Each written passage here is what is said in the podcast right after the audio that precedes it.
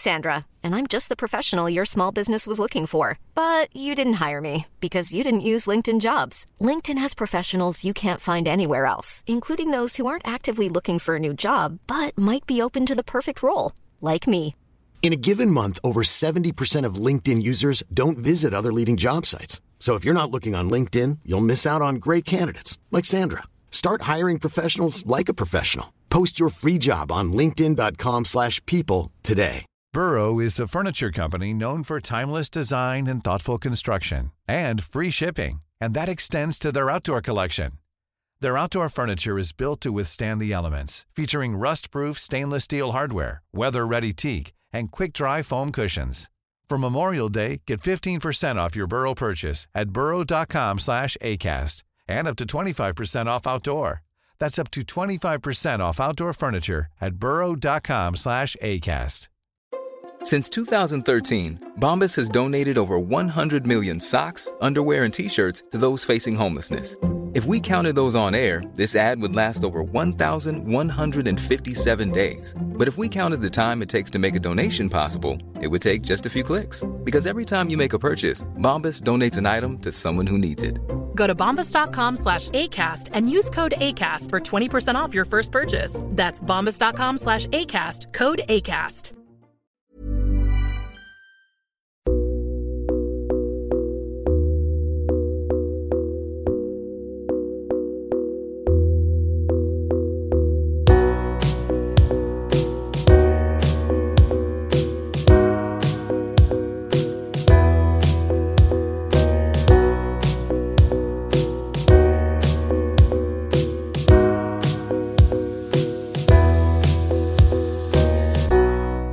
Du lyssnar på Säg vad du vill Åland, en lokal podcast med fokus på fria samtal.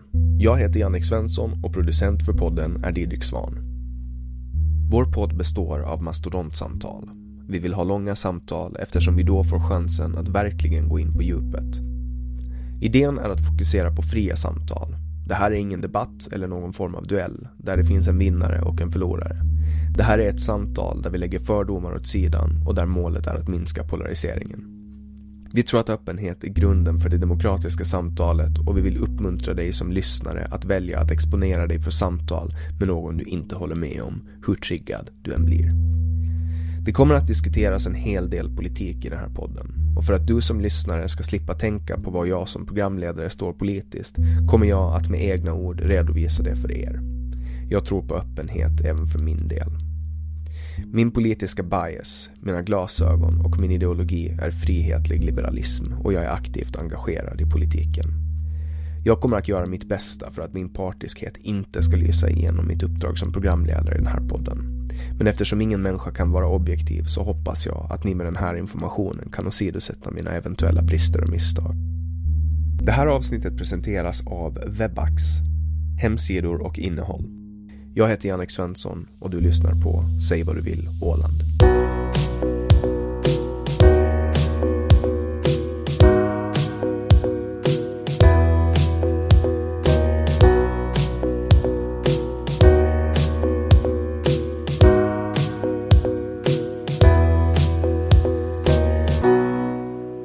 Mia Hanström är konsulent inom ungdoms och jämställdhetsarbete. Hon bor på Kumlinge, är aktiv inom Socialdemokraterna och jobbar som verksamhetsledare för Arbetarnas bildningsförbund samt Skärgårdsungdomarnas intresseorganisation. Hon är även styrelseordförande i Ålands Radio och var med och startade Feministparaplyet. Välkommen hit Mia Hanström. Tack så mycket. Vad, vad har du hört om den här podden innan du kom hit? Jag såg när du startade den, den liksom flög förbi i någonstans och tänkte att ja, men jag ska lyssna på det där och sen gick det lite tid eh, och alldeles för mycket annat. Och sen eh, tror jag att det var när du tog kontakt och gick in och lyssnade lite mer. Kände du dig som en naturlig gäst i en samtalspodd? Ja, det blev lite långt ibland kände jag när jag lyssnade på några. Men att jag lyssnar på mycket poddar. Alltså, och just sådana här samtalspoddar när folk diskuterar olika ämnen. Så det, det ingår i, mitt, i mina promenader och så att, att lyssna på, på längre samtal. Så när jag, när jag försökte sätta ihop den här presentationen av dig så, så var det liksom, det var lite svårt att få ihop en hel bild. Mm. Eh, hur skulle du beskriva, vad, vad gör du? Eh, alltså om, jag, om jag tänker att min grund är ju att jag är ungdomsarbetare. Jag hamnade ju till Åland för att jag blev värvad till det som då hette Ungdom 85, alltså fält, det som är fältarna idag. Eh, då hade jag jobbat på, på ungdomsgård i flera år i Sverige och hade varit här och seglat allmogebåt och fått tips om att de kanske skulle starta ett uppsökande arbetesprojekt och sådär som man säger när man är på semester. Ja, det låter jättekul, hör av er om det blir något och sen, sen hörde de av sig och sa att om jag ville komma på intervju så tänkte jag två år på Åland kan man väl satsa på. Så, så eh, ungdomsarbete är min grund och sen är min andra grund egentligen att jag älskar naturen och djur och därför så är Åland så viktigt. Och eh, jag har aldrig liksom egentligen jobbat som vägledare. Jag har en utbildning, ett, ett år utbildning och var friluftsvägledare men jag har aldrig jobbat med det. Jag har använt det redskapet i ungdomsarbetet ganska mycket. Sen eh, gillar jag ju folkbildningsfrågor. Jag är utbildad på folkhögskola som man är i Sverige då när man blir ungdomsledare. Jag gillar det här med, med eh, att utveckla möjligheter för människor att mötas och samtala. Så på det sättet med den här podden, om vi nu kopplar tillbaka till den, så, så, så stämde det väldigt bra med det som är mina ambitioner i mina, egentligen alla uppdrag som jag har. Så, att, att skapa möten och samtal om viktiga frågor. Och då har mitt fokus, och det som jag kanske tyckte var roligast, är att jobba med tonåringar. Mm. Det finns ett motstånd där, de är kritiska, de, de har mycket egna funderingar. Eh, man måste förtjäna deras respekt för att det ska funka. Och därför tror jag att jag tyckte det var extra roligt. Sen har jag ju hamnat och jobbat med vuxna också, till exempel genom ABF. Som det blev liksom ledigt en halvtidstjänst där så tänkte jag men det här är ju jättespännande. Här ska man kunna göra lite bredare, lite mer, jobba ännu mer med det här med att samarbeta med olika föreningar och så. så det jag vet om ABF är de här studiecirklarna. Mm. Vad, vad, finns det mer än det? Eh, studiecirklarna är ju kanske fortfarande en ganska liten del och ganska okänd del. De bygger ju egentligen på en nordisk tradition. Man kommer tillsammans och diskuterar på olika sätt eller gör praktiska saker och diskuterar. Här på Åland så har ju landskapsregeringen definierat vad är en studiecirkel för vi, vi liksom, det är ett av våra uppdrag som står i lagen för bildningsförbunden och då handlar det om att det är minst tre personer som är över 13 år som möts minst fem gånger för att eh, bilda sig och då ska man ha en plan och vår definition på plan i ABF det är, den är ganska öppen. Det kan vara planen är att träna och prata svenska. Planen är att lära sig mer om vävning. Planen är att få diskutera böcker. Planen är att diskutera åländsk historia. Så det kan vara väldigt olika. Så, så tillsammans, eh, så när någon kommer till mig och säger att vi skulle vilja ha en studiecirkel så, så definierar vi planen och sen när de redovisar, de ska inte ha en lärare utan de ska ha en, en, en samordnare av cirkeln och då så då redovisar de, ja första gången diskuterade vi det, andra gången gjorde vi det, tredje gången gjorde vi det, fjärde gången och, och så. Det är studiecirklarna. Sen försöker vi ju eh, stimulera ska säga, bildningsfrågor, att ta hit folk som kan någonting eller samla folk. Jag gillar väldigt mycket det här konceptet när vi tar några ålänningar som har lite olika ingångar i ett ämne och så inleder de kanske tio minuter. De skulle aldrig vilja föreläsa men de kan berätta om varför de ska vi ta, tycker det är viktigt att vara med i facket eller, eh, eller, eller eh, tycker att eh, vi hade till exempel kring det basinkomst. Tycker att basinkomst är viktigt. Varför tycker tre olika personer? Och sen har man ett samtal med de som kom. och så. så att, då har vi då föreläsningar eller samtal. Eh, det är också en viktig. Och sen är det projekt som har faktiskt blivit en, också en väldigt stark bildningsform. Eh, Framförallt att nå ungdomar. Eh, för de har, vi vill göra det här. Och så projekt är ju att först formulera vad är det man vill, tala om hur man tänker göra det och så försöka söka pengar för att kunna förverkliga det och sen följa upp projektet, göra det och sen utvärdera. Det är en fantastisk form av att lära sig en massa små delar som, som man kan ha nytta av i en massa andra sammanhang. Så, så jag skulle säga att ABF handlar om studiecirklar, olika former av samtal och föreläsningar och projekt av olika slag. Jag tänker ABF, det står för Arbetarnas bildningsförbund. Mm. Fin, finns det någon annan, något annat bildningsförbund? Nej, där, där, där är det ju öppet för flera bildningsförbund och vi var ju länge två bildningsförbund eh, men det andra fick ekonomiska problem och det tycker jag är väldigt synd för om jag jämför med Sverige till exempel, där tror jag att det finns 11 bildningsförbund som har olika baser i föreningslivet och i Finland jag kan inte hur många, men de är väldigt många fler. Vilka, vilka var det andra då? Det var Ålands bildningsförbund. Ålands bildningsförbund. Så, och, så, så där, grundar det sig, alltså Arbetarnas bildningsförbund, kommer det, är det en gammal förening? Eller ja, det 30, båda bildningsförbunden var ungefär 30, lite drygt 30 år. Och det, man var ju inspirerad av de andra nordiska länderna som hade bildningsverksamhet och då var det fackföreningar och Socialdemokraterna som på Åland sa att vi vill bilda ett bildningsförbund. Och då var en del av de här säga, centerknutna organisationerna, alltså jordbrukarorganisationer, Martor och så, de sa då men vi borde också bilda ett, vilket ju var eh, jättebra för att det, det som sagt flera är bättre. Så, eh, så från början var det väl, jag kan inte riktigt gissa, men från början var det kanske eh, en del av de här mer traditionella arbetarfackföreningarna och eh, eh, Socialdemokraterna som var basen för Arbetarnas bildningsförbund, de som byggde på idén om arbetet, arbetarrörelsens värderingar. Och de finns väl fortfarande kvar. Alltså, du vet, jämlikhet, solidaritet, eh, frihet och så. Eh, men de kan ju nästan vem, vilken demokratisk förening som helst skriva under på. Så att idag har vi 33 medlemsföreningar och det är ju rättighetsföreningar som Rädda Barnen, eh, Emmaus, eh, Ålands natur och miljö. Det är sådana här mer sociala föreningar som Pusselfamiljen. Eh, det är då eh, kulturföreningar som Litteraturföreningen, Kulturföreningen Katrina. Det är sen då de som var med och bildade flera av de här Så det är de kommunalarbetarna. Som Nej, de, ja, de finansierar genom ett bidrag. Men i och med att eh, landskapet har sagt att det här är en viktig verksamhet och det finns en lag som styr så får vi också ett grundbidrag från landskapet eh, som, som bygger de förnyade lagen för ett antal år sedan. Den bygger på hur mycket aktiviteter, hur mycket pengar vi drar in själva, vad vi gör. Så de följer liksom hela tiden upp då.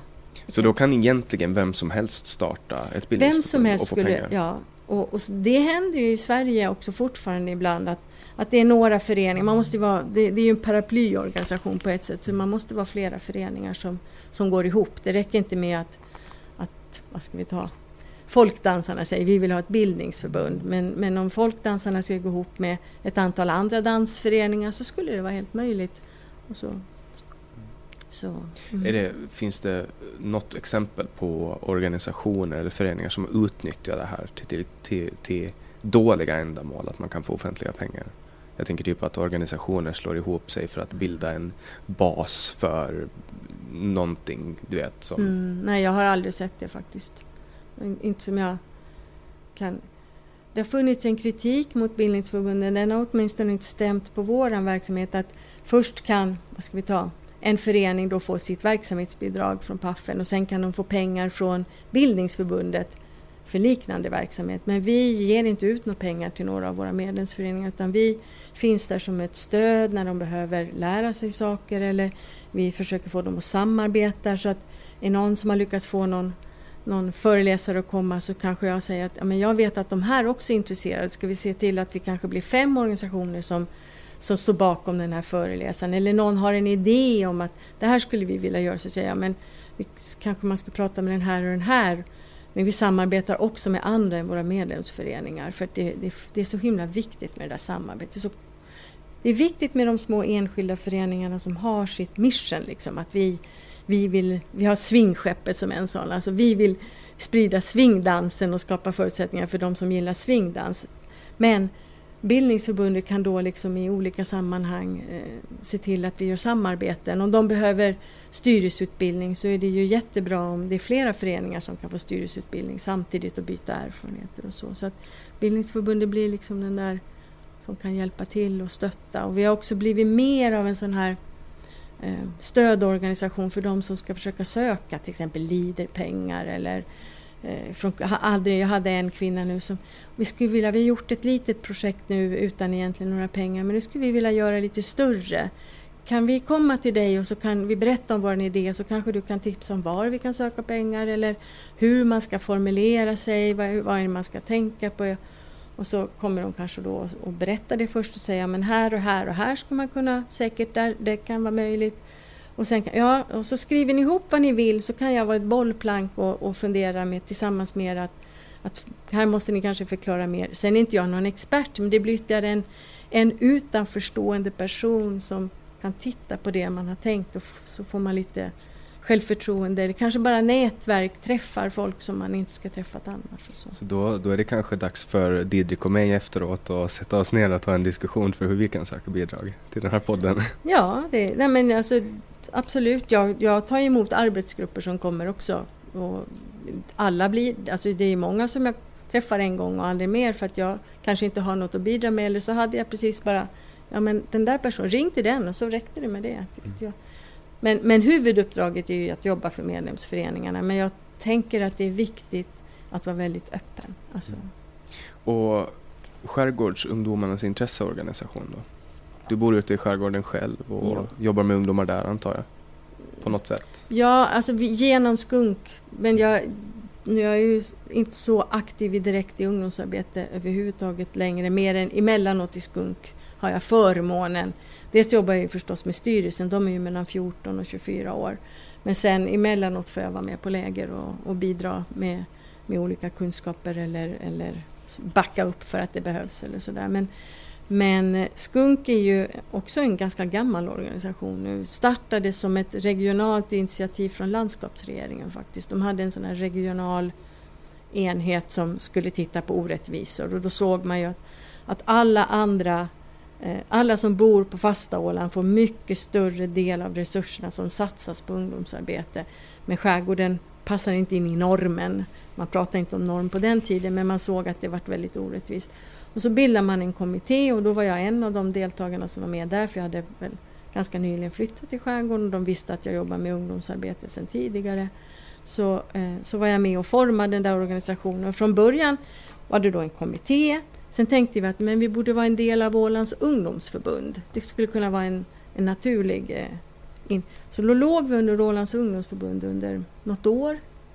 Men det, de var väldigt ointresserade av det vi gjorde och, och så. så att, sen bestämde det här gänget, det var en person från respektive kommun, att nej, eh, vi bildar en egen organisation, ger oss större frihet. Vi kan säkert samarbeta i framtiden men, men men i nuläget ger en styrka att ha en egen organisation. Så bildades den där organisationen. Då. Sen har jag funnits i bakgrunden mer eller mindre under alla år. Periodvis har det funnits någon annan som har jobbat med organisationen men eftersom jag är konsult i ungdomsarbete så har jag ju velat bjuda på kunskaper eller erfarenheter in i organisationen och sen för kanske, mm, vad ska vi gissa, sju, åtta år sedan så då hade vi provat att ha olika anställda och det var liksom varit ganska tungt. För så precis när de började komma in i det, det fanns inga heltidstjänster, så då hittade de något annat. Då var de värvade till fältarna eller liksom det hände saker. Och det var, då, då så var mitt förslag att men om jag lovar er att ge er ungefär 20 timmar i månaden som ett sånt koncept eh, mot timersättning så att ni köper liksom timmar så behöver ni inte ha kontor, ni behöver inte ska ha utrustning och behövs det mer timmar så har jag tid så kan jag göra det, då kostar det det. Men jag lovar liksom att backa upp föreningen och så står jag för den där basverksamheten. Och det tyckte den styrelsen var en bra lösning för då kunde vi sätta in folk i projekt som fick ersättningar. Och då, eh, ganska snabbt därefter har jag minne av att vi anställde på heltid i ett sån här Central Baltic-projekt som var det stora. Så så då, då fanns jag liksom som coach i bakgrunden och, och, stod för basverksamheten och så fanns det en person som gjorde mer av verksamheten. Och den där rollen har jag fortsatt att ha och när vi haft väldigt mycket projekt och pengar så har jag behövt göra mer timmar när jag haft tid och, och sen kan det gå tillbaks till det, det som, det som liksom avtalet säger. Jag ska i alla fall backa upp dem så här långt. Sen har ju de möjlighet att säga upp avtalet. Vi omprövar det vartannat år ungefär. Att, att är, det det här, är det här det bästa konceptet eller ska vi borde hitta något annat? Eh. Och vad är det som pågår i Skunk då? Vad brukar ni göra? Vad... Oj, oj.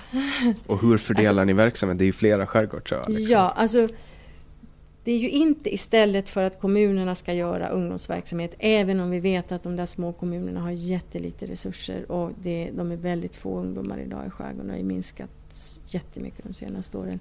Men vårt uppdrag är att göra saker gemensamt för skärgårdsungdomarna. Men ska de komma sig för att åka så måste vi också idka uppsökande verksamhet. Därför har vi sedan sen några år tillbaka en ungdomscoach på heltid som reser runt, eh, kan hålla några lektioner i skolan kring någonting beroende på vad som är aktuellt. Senast så var eh, hon som är anställd nu runt och pratade om eh, kommunstrukturreformen på ett par lektioner och hörde vad tycker ungdomarna är viktigt för dem i skärgården och så.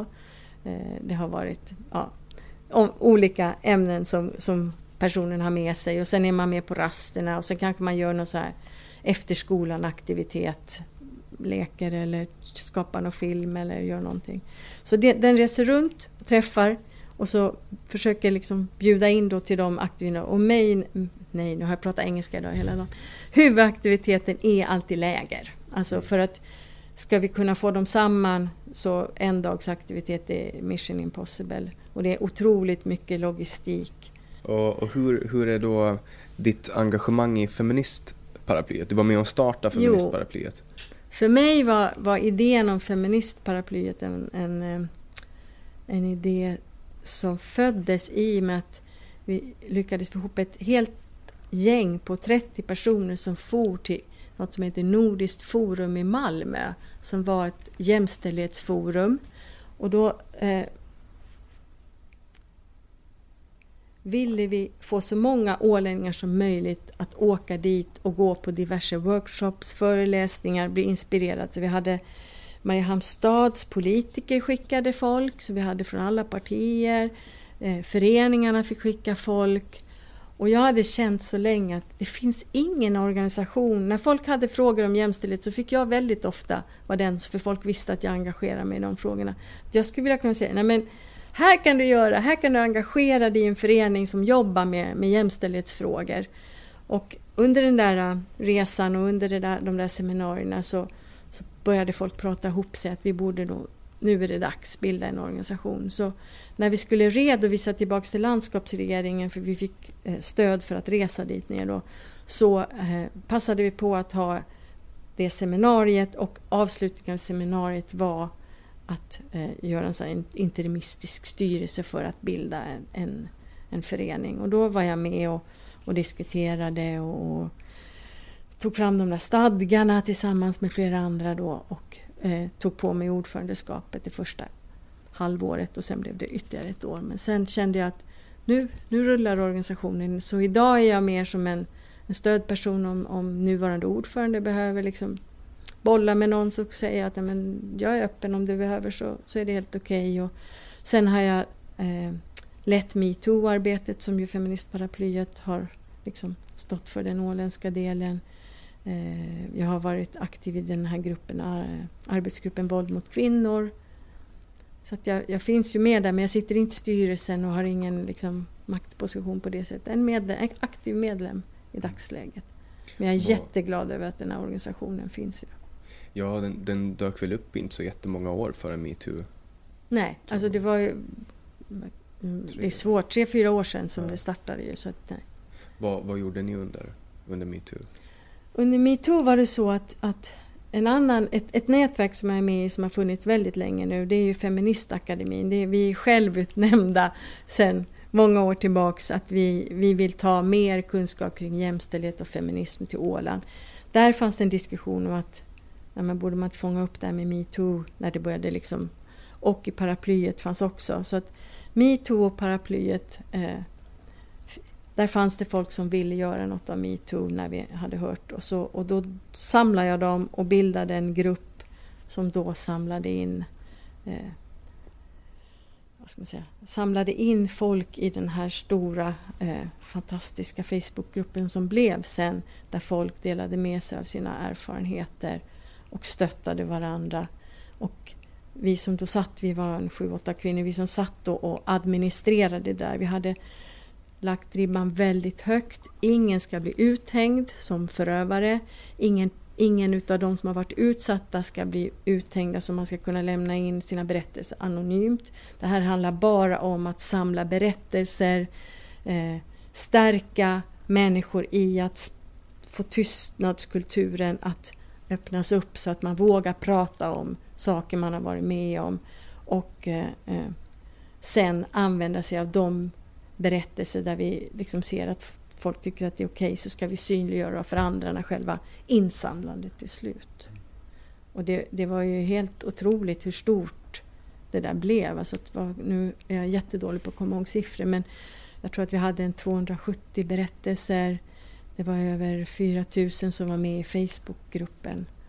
Och eh, folk var otroligt öppna och mo modiga. Alltså berättade berättelser som är helt obegripliga.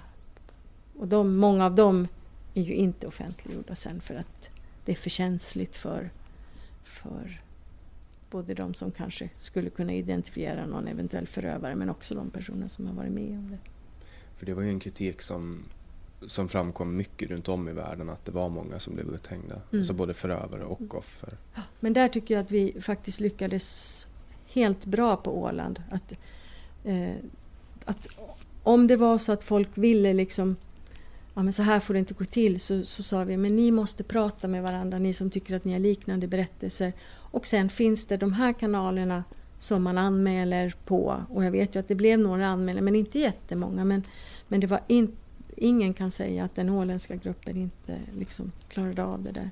Det finns ju väldigt mycket att prata om när ja. det kommer till metoo. Um, men jag kan komma ihåg den här känslan uh, som jag fick. Jag bar ju en obehaglig känsla hela tiden under metoo därför att jag har en person väldigt nära mig som blev utsatt för en våldtäkt som i princip totalförstörde hennes liv. Mm. Och, och det här skapar liksom sådana känslor av förbittring i mig att jag varje gång jag såg den här metoo så spelades allting upp igen. Alltså hennes trauma, mitt trauma och, och det var liksom traumat på trauma, eller vad man ska mm. säga. Och jag tror att det var ganska många som, som delade den upplevelsen. Det var få som gick oberörda genom den hösten.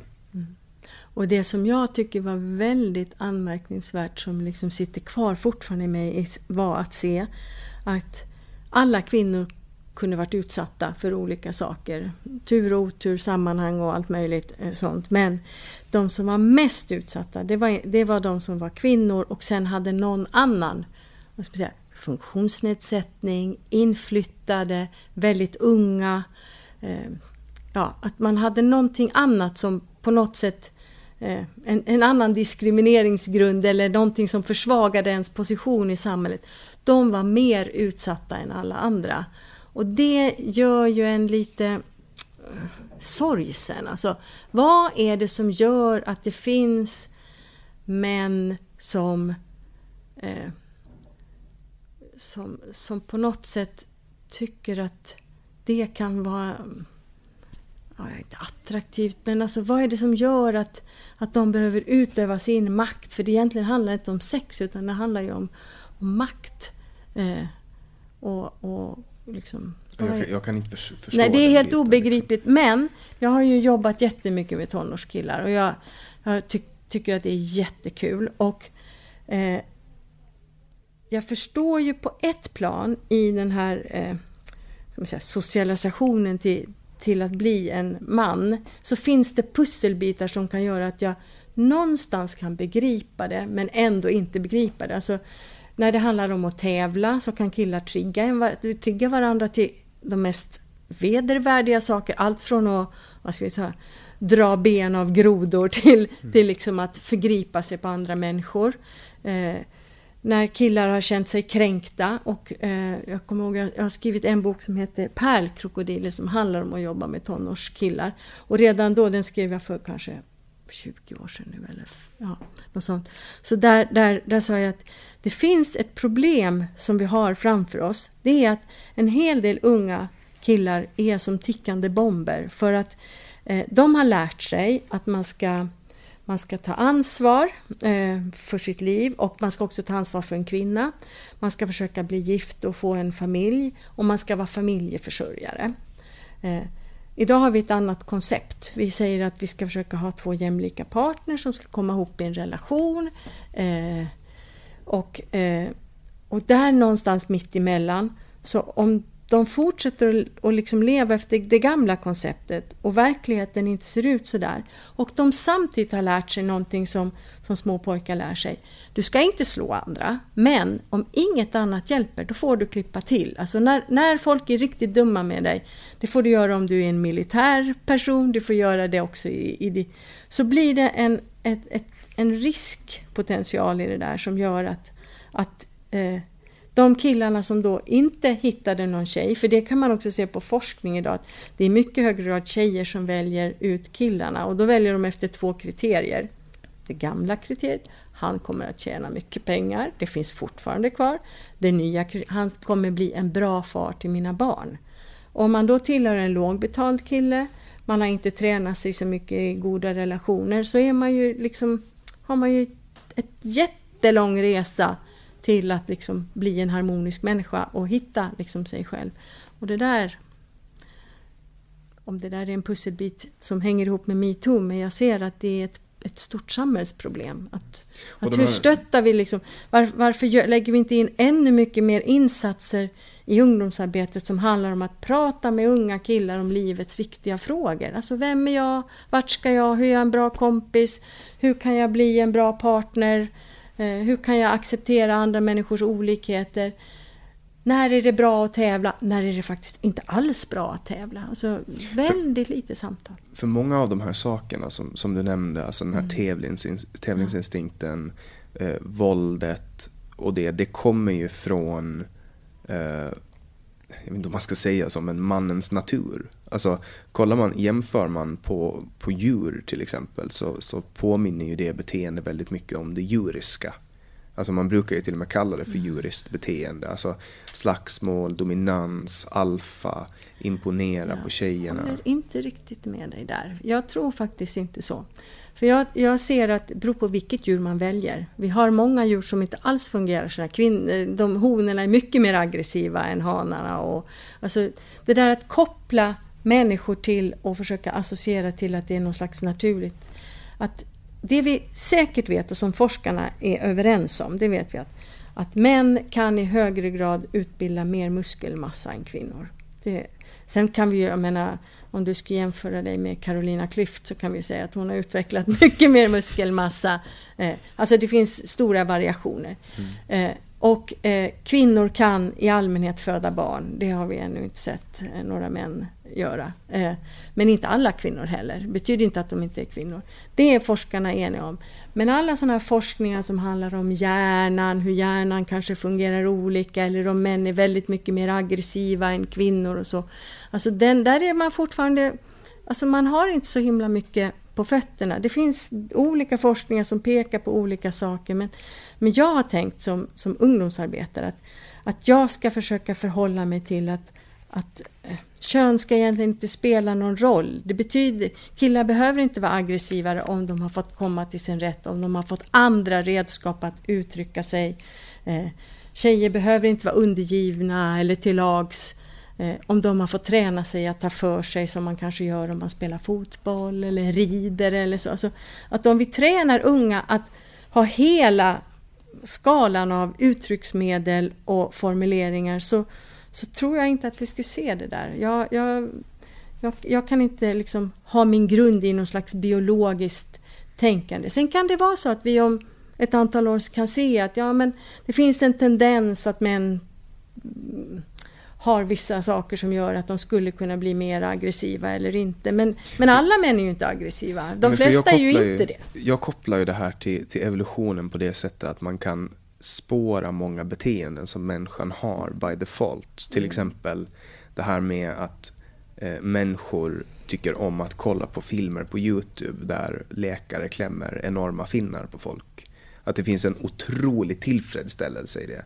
Och där har man också tittat, kolla på att människor, människor erkänner inte att de gör det. Aha. Men kollar man på antalet visningar så är, så är det, det otroligt många. Alltså människor finner en jättestor tillfredsställelse oh, i det. Och, och, när man tar reda på, eller när man kollar upp varför det är så, så finns det forskare som påstår att det här kommer ifrån att, att människan har inbyggt att man liksom ska få bort det här från kroppen. Att det har på något sätt med lopp loppor att göra. Att man hjälper sina eh, klankamrater eller stamkamrater eller vad som helst med att plocka ut loppor, du vet som apor ja, gör ja, från varandras ryggar. Att det här är något, ett beteende som, som finns för att det på något sätt hjälpt vår överlevnad.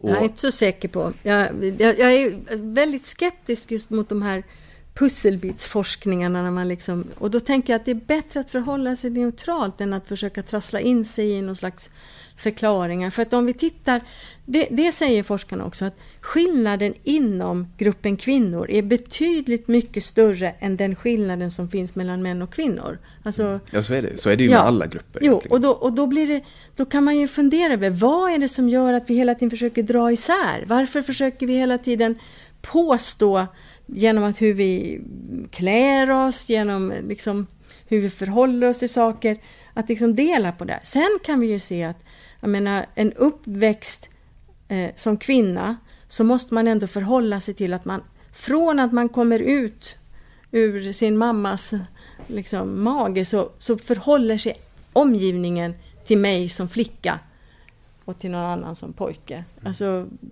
folk blir jätteförvirrade om de inte kan identifiera kön. Så att vi, måste, vi får ändå med oss helt olika erfarenheter under vår uppväxt just bara för att vi har det könet, för att samhället fortsätter att dela upp kvinnor och män i som om det var två olika arter nästan. Alltså det är ju Men du vet extremt. ju den här, alltså, som jobbar med ungdomar, du vet ju hur killar förändras när det kommer in snygga tjejer i rummet. De blir mm. helt annorlunda, börjar bete sig helt annorlunda. Mm. Vad tror tjejer du att det... gör likadant. Ja, ja mm. alltså man börjar man förhåller ju sig mm. annorlunda. Men vad har vi, vi har ju liksom tränat oss till att vi ska... För, men även, även tjejer som... Eh, ja, alltså det, det, det ingår ju i hela spelet att man ska förhålla sig olika. För sen, jag som alltid under hela min uppväxt bara umgicks med killar. Eh, så de betedde sig ju inte annorlunda, men jag var ju heller ingen attraktion, inte någon att bli ihop med. Sen betedde de sig olika mot de där tjejerna de ville bli ihop med, för jag var ju en av dem. Eh, och jag tänker att det handlar mer om ett rollspel än om att det skulle vara något slags biologiskt.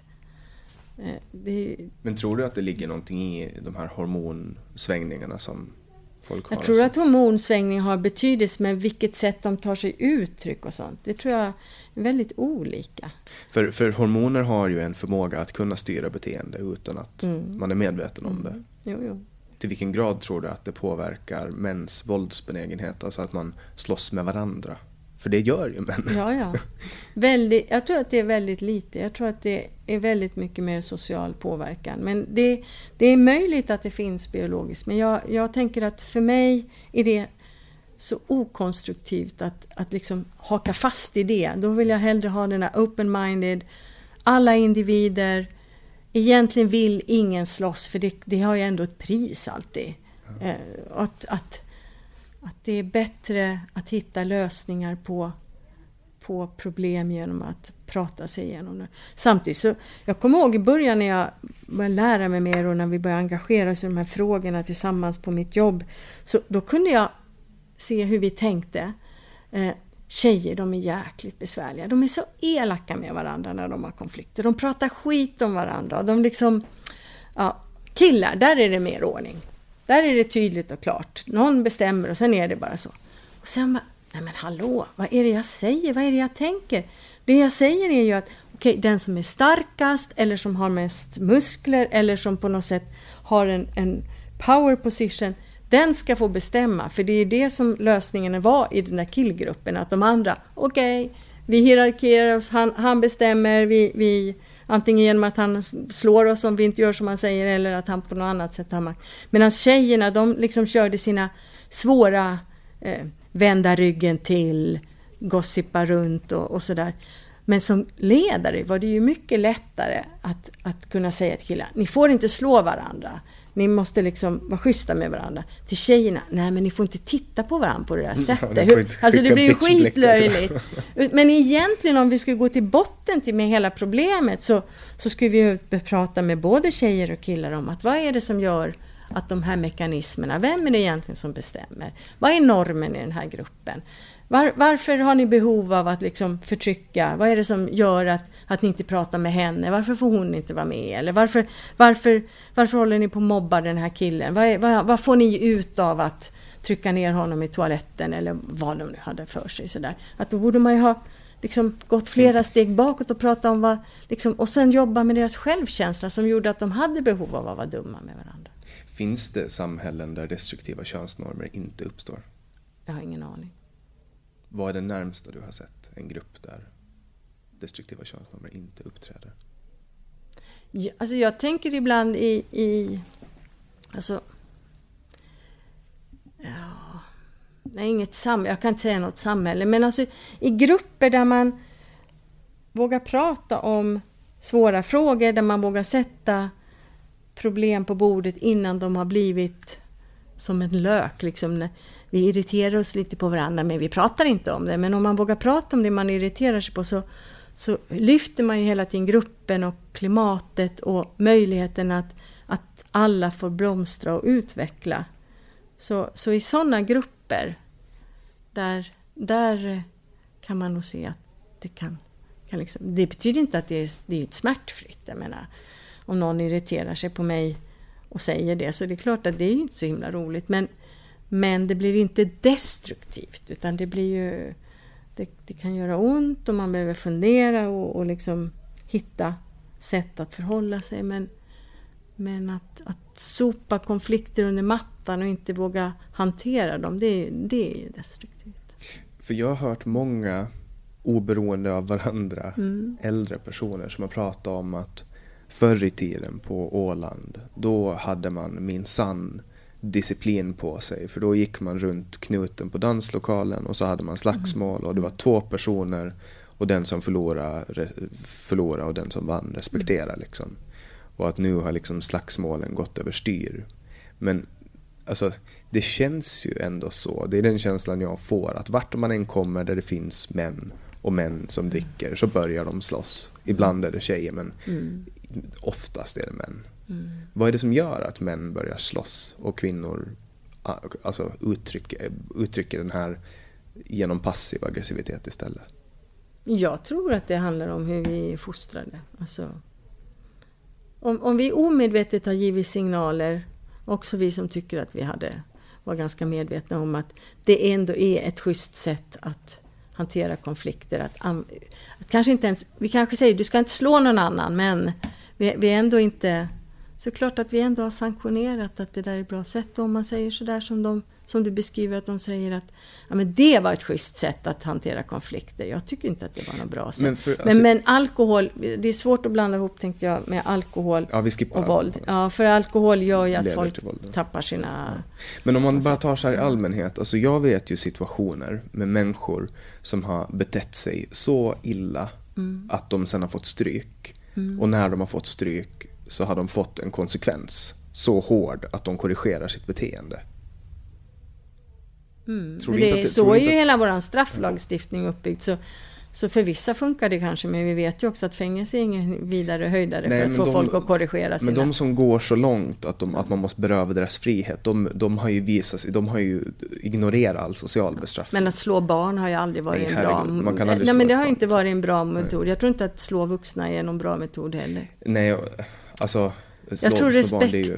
Nej, men jag tror på respekt. Alltså, jag tror på att prata med folk om de svåra frågorna och, och jobba på att stärka dem så att de inte behöver använda fysiskt våld. Det tror jag är en för att, för att det finns ju social bestraffning som inte är fysiskt våld. Mm. Alltså att man, det är det tjejer ibland gör. Ja, men, men alltså, jag tänker att för, före våldet kommer mm. så kommer ju olika grader av mm. bestraffning och när inget funkar mm. Då, då går det över till fysisk, mm. fysisk bestraffning. Mm. Liksom.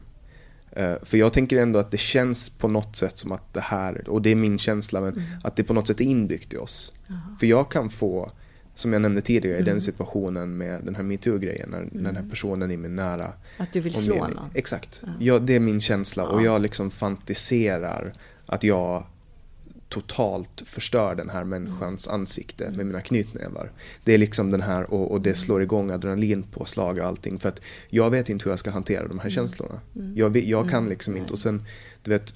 Men vad gör du då? Springer, du- sticker ut och springer eller vad gör du? Alltså, jag har bearbetat det här genom att ta emot råd från, från professionella Mm. då, som säger att man ska sitta ner, blunda och andas och se personen framför sig och säga förlåt högt liksom. Okej. Mm. Och det är, är fruktansvärt, du vet. Men funkar det? För dig? Alltså det, är- det är ju svårt. Mm. Det är svårt. Alltså, på något sätt är det som att man får kasta salt i såren tillräckligt många gånger och sen slutar det svida. Mm. Alltså typ så på något sätt. Alltså, det är typ enda sättet att komma över ett trauma.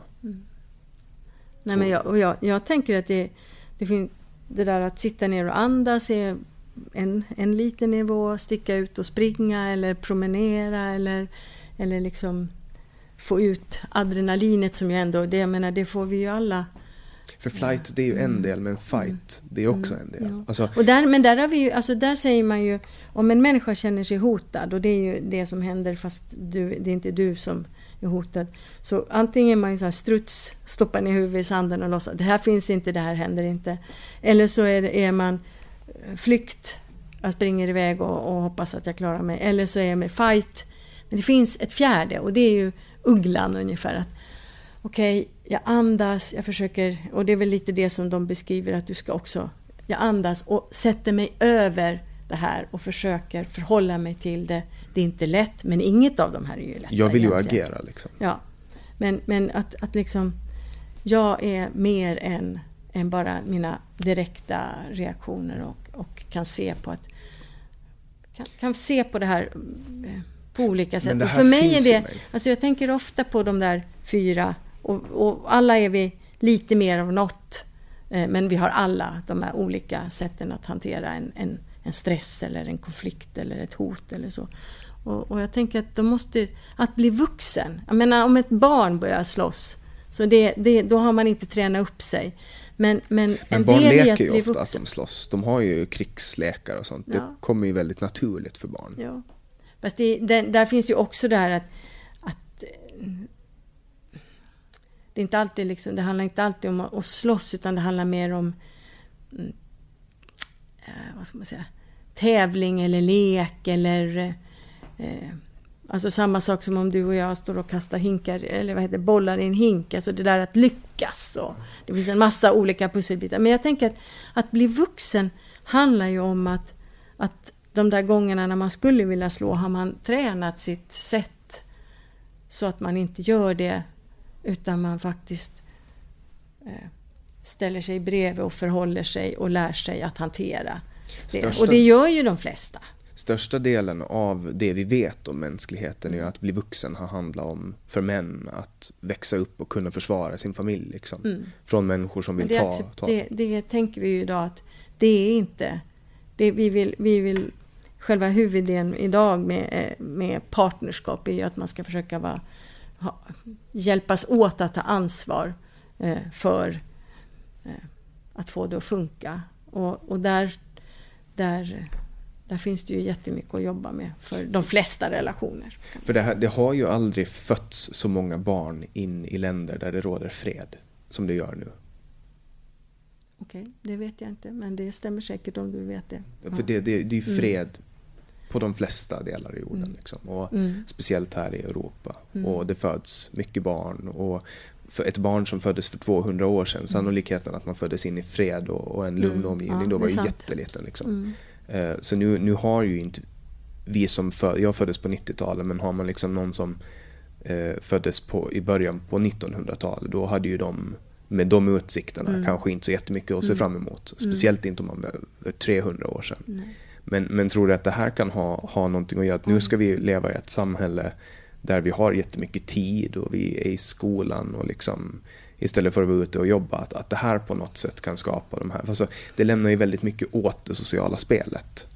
Nu är ju det sociala spelet det absolut viktigaste. Nu är, spelar det ju ingen roll hur stark man är. Om man inte vill göra en idrottskarriär eller något sånt. Mm. Liksom. Att social status har ju aldrig varit så viktigt som det är just nu. Mm. Och vad var din fråga? Alltså, Vad var det, det det, du var väl sa? ingen, det, var väl, det var snarare ett, ett resonemang. Jag är Ja, nej fortfarande... men, nej, men jag, alltså, det sociala spelet är jätteviktigt och jag tror att det är en av orsakerna till att så många mår dåligt idag till exempel. Att man ska vara så himla eh, kompetent på alla de där sociala områdena. Man ska ha ett spännande jobb och man ska ha många kompisar och man ska vara en bra partner och man ska liksom helst också ha ganska gott materiellt för att vara en, en lycklig människa. Så kanske man till och med lyckas. till Ja, det. det också. Och, så, och sen så kanske man till och med lyckats med allt det där. Och så är det ändå liksom, man är ändå den där lilla människan inuti och, och så. Och, eh, och, man, och livet är ju liksom en, ena stunden är man ju lycklig för att det, man bara, det är vår och det luktar så gott och nästa stund så är det jättejobbigt och man kanske inte ens vet varför det är jättejobbigt och man ska lära sig hitta någon slags balans som gör att man ändå hanterar livet också när det går ner fast man inte ens vet varför det går ner. Och vissa har djupare dippar och, och försöker ibland hantera dem på icke-konstruktiva sätt och andra hittar sätt som gör att de ändå kommer förbi. Och, och jag tror att vi har nu med det där sociala spelet och de där förväntningarna så är det som att vi ungefär skulle kunna gå och leva och vara lyckliga hela tiden. Men så är det ju inte. Mm. Och det är inte alls så att vi kan hitta, det är inte för att någon har dött eller något sånt som man mår dåligt utan det bara kommer ibland. Alltså vi gör ju egentligen inte så mycket i dagens samhälle. Förutom att skynda oss mellan olika saker och så. Jag tycker det- ganska många gör väldigt mycket. Ja. Om jag tittar, tittar runt mig, alltså folk, först jobbar de med någonting och åtta timmar om dagen och sen kanske de har barn och tar hand om dem resten av tiden eller så har de hundar och engagerar sig i deras eller Men om man så. jämför med till exempel att, att det man har gjort största delen är ju att överleva. Ja. Du vet, gå hela dagen. Man vaknar på morgonen och så bara, ja men Nej, vi har en förvriden, alltså det där att, att liksom se till att man har mat för dagen är ju för väldigt många en väldigt liten del i livet. Men vi har ju också grupper som faktiskt eh, måste gå till matbanken också här på Åland och som, där liksom inte, det inte går ihop. Att, Hur, hur kan det vara så i, i samhället idag? Att vi har så många som måste gå till matbanken. det finns nog flera orsaker. Vi har, vi har ju byggt upp ett på ett sätt fantastiskt generellt välfärdssystem. Alltså vi har jättemånga stödsystem som, som är helt otroliga för att försöka ge något sådana jämlika villkor för alla människor samtidigt som, som det ska finnas en drivkraft i att vill arbeta och liksom skapa ex, e- ännu mera. Men, men systemen är inte fulländade. Det, folk trillar mellan stolarna och sen finns det också vissa grupper som inte skulle vilja använda sig av de stödsystem vi har för att det är ändå en om, om man någon gång har behövt gå till, till ett socialkansli och tala om liksom, sin dåliga situation så vet man hur otroligt eh, stigmatiserande det är. Eh, det, det, är verkligen, det är verkligen utlämnande. Hur trevlig och kompetent socialarbetaren än är, ibland är de inte det, men, men oftast är de ju det, men man måste ändå vända och vrida på sig. Och det finns liksom ändå, trots att vi har sagt att det här är en rättighet, så finns det en känsla av att man ungefär ska vara tacksam, fast man kanske bara hamnar där för att man blev sjuk eller det hände någonting i livet eller man bodde på fel ställe där man inte kunde jobba längre. Eller ja, det, det, man vet, det finns ju hur många orsaker som helst som gör att man kan hamna i en situation där pengarna inte helt enkelt räcker eller inte finns. Och, och sådär. Och, ja. och sen, sen mår ju en del mår psykiskt dåligt och vill, vill liksom klara sig själv, går hellre till matbanken och får pengar där än att behöva vara i sammanhang. Och, och också om du jobbar, om du jobbar vad ska vi ta, i butik. Det är inte mycket pengar du tjänar per timme där, runt en 10 euro timmen. Och så har du kanske ensamstående med barn, har en hyra som äter upp hälften av lönen och så ska pengarna räcka. Det är inte så lätt för alla grupper här på Åland, fast vi kanske tror det. Och det känns som att ditt engagemang riktar sig just in mest på det sociala. De, de svaga i samhället, det sociala, mm. ungdomar, kvinnor. Var, var, kommer det här engagemanget ifrån? Var började det någonstans? Mm. Alltså jag är född i Stockholm nu. Mina föräldrar bodde i Gamla stan, det låter ju superfancy men på den tiden var det toalett på gården och kallt vatten i lägenheten. Och sen flyttade de ut till ett förortsområde där jag växte upp. Jag fick av min personlighet och kanske från min familj ganska bra kulturellt kapital. Alltså Eh, var aktiv i elevrådet, fick liksom möjligheter på många sätt. Men nästan inga från min skola gick vidare till ett teoretiskt gymnasium. Jag försökte men jag stod inte ut så länge där. Eh, men, men att se att, att det ändå var väldigt ojämlika villkor, det har nog liksom funnits där hela tiden med och någon slags sån här fighting spirit att, att eh, att försöka ändå skapa ett samhälle som ger så jämlika villkor som möjligt samtidigt som, eh, som eh, folks talanger, förmågor och allt det där tas tillvara. Och att, att för det finns ju en risk om man liksom menar, det kommunistiska samhället har ju någon slags idé om att alla är precis lika och att det ska liksom funka. Och det ser vi att det har aldrig funkat i praktiken hittills någonstans. Men så att jag tror att det behöver finnas den där ändå stimulansen som, som vårt så kallade kapitalistiska samhälle ändå ger. Med. Moröten typ? Ja, lite så. Men samtidigt så tror jag att vi har gått far, för långt i att låta kapitalet styra eftersom vi nu har en klimatkris som är en, är, berör mig jätteilla varje dag som jag tänker på väldigt mycket.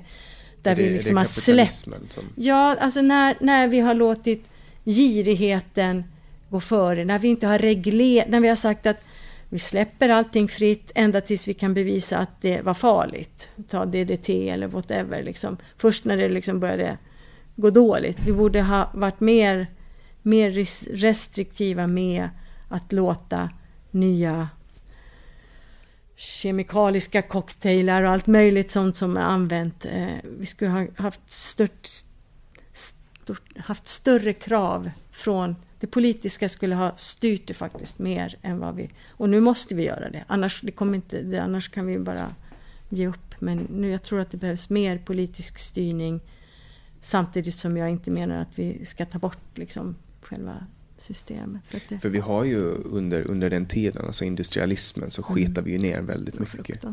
Men samtidigt så utvecklades vi väldigt mycket. Mm. Man har uppfunnit liksom mm. elektricitet mm. och förbränningsmotorer mm. och nu har vi flygplan mm. och vi kan transportera saker.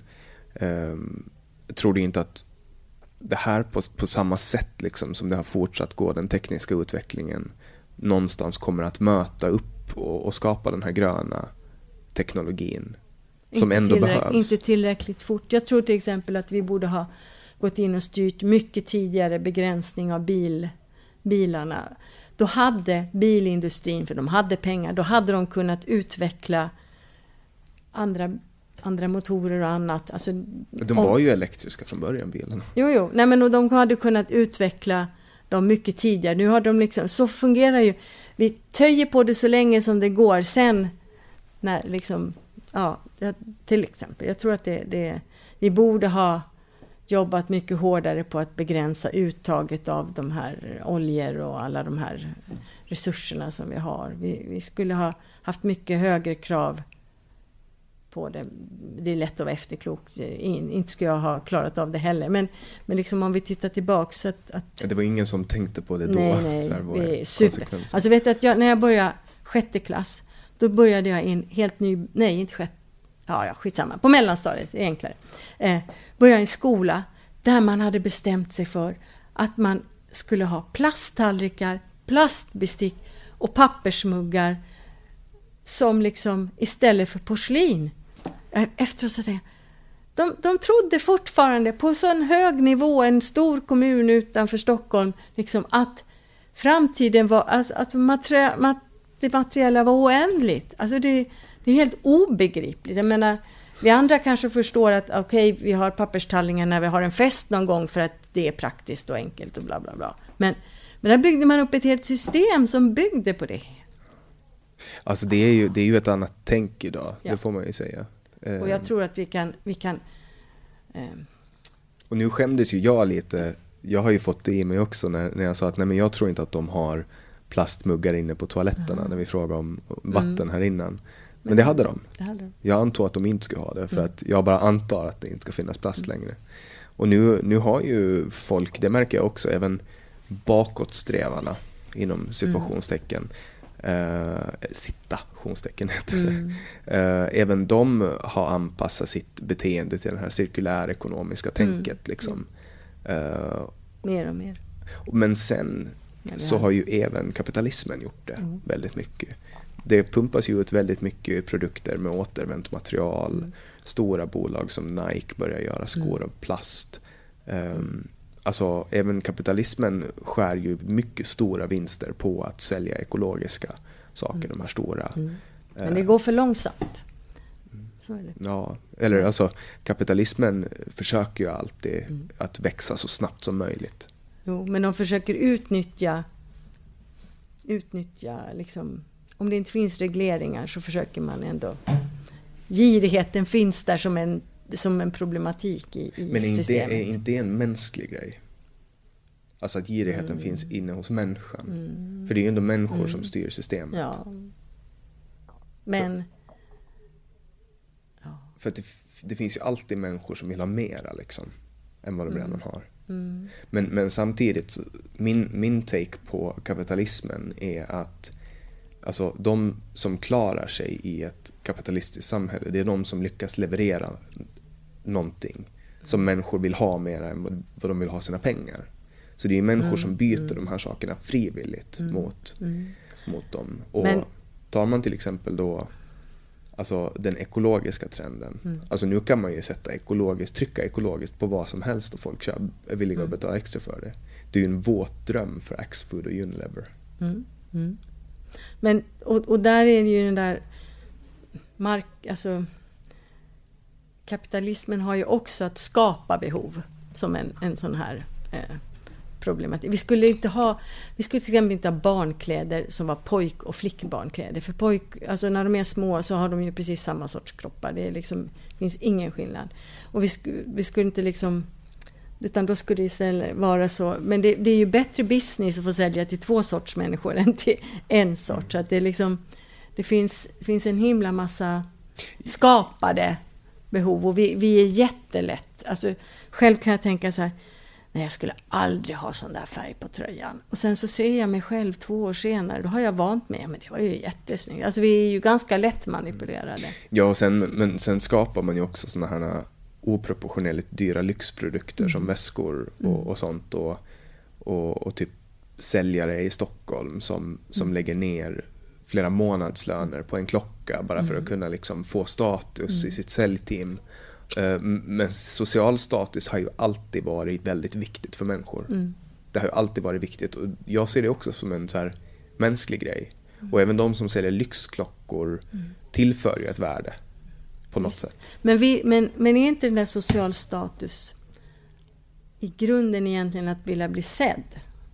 Alltså, att Ja. det är det man är ute efter. Egentligen är det inte statusen utan att, att bli sedd i, och egentligen innerst inne för den man är och inte för, för att man hade en klocka. Alltså, eller vad man nu hade för någonting. Att, Alltså, att jag tror att det är det mänskliga. Att, och, därför, och därför borde vi jobba så mycket mer, tänker jag, på att, att faktiskt se varandra och mötas och, och, och För jag ser ju att så mycket av det här ytliga cirkulerar kring parningsleken. Det handlar om att få respekt bland, för män handlar det om att få respekt bland andra män och att imponera på kvinnor. Medan för kvinnor så handlar det om att dra till sig starka män och på något sätt, även i sitt eget läger, få respekt. Liksom. Du vet ju den här grejen med att Fast jag ser, jag ser ju ganska stora grupper av unga människor där den där delen... Det är klart att, att hitta en partner kan vara intressant, men det är, inte, det är inte huvudspåret längre. Förut var det en överlevnadsfråga. Alltså om man inte hade en partner så vart man dumförklarad eller idiotförklarad. Eller liksom, och man kanske inte kunde klara sig ekonomiskt heller, i alla fall om man var kvinna.